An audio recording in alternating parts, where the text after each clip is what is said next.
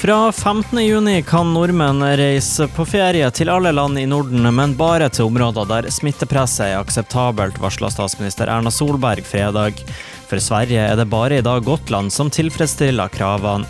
Jeg er klar over at dette er en stor skuffelse for noen, men restriksjonene er basert på objektive kriterier som er like for alle, sa Solberg på regjeringens pressekonferanse om koronasituasjonen fredag. Regjeringa advarer også mot reiser til København. Situasjonen skal vurderes kontinuerlig, og kartet over tillatte områder vil bli oppdatert minst hver 14. dag, sier helseminister Bent Høie. Jeg håper at andre områder i Sverige snart har en smittesituasjon som er åpen for reise til disse, sier han.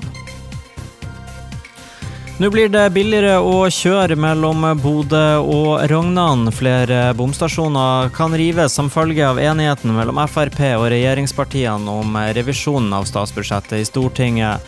600 millioner kroner vil gå til sletting av bomgjeld, og fem bomstasjoner kan dermed fjernes, skriver VG. Det er bl.a. bomstasjonen ved rv. 80 Røvika, Tømnes i Nordland og fv. 64 Atlanterhavstunnelen som fjernes.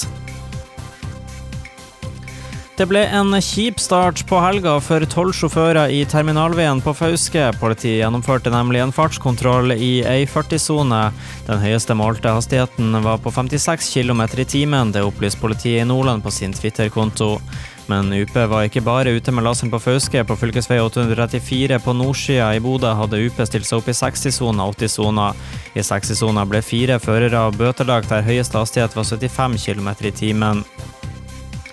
Og like før klokka 23 torsdag kveld begynte det å brenne på Grinjord ved Skjommebrua like utenfor Narvik. Brannen kom raskt under kontroll og var slukka en halvtime senere. Bilen sto like ved E6 utenfor veibanen. Bilen må nå anses som å være totalvraka, sier vaktkommandør ved 110-sentralen i Nordland, Magne Brunes. Og det var siste nytt i studio, Benjamin Solås.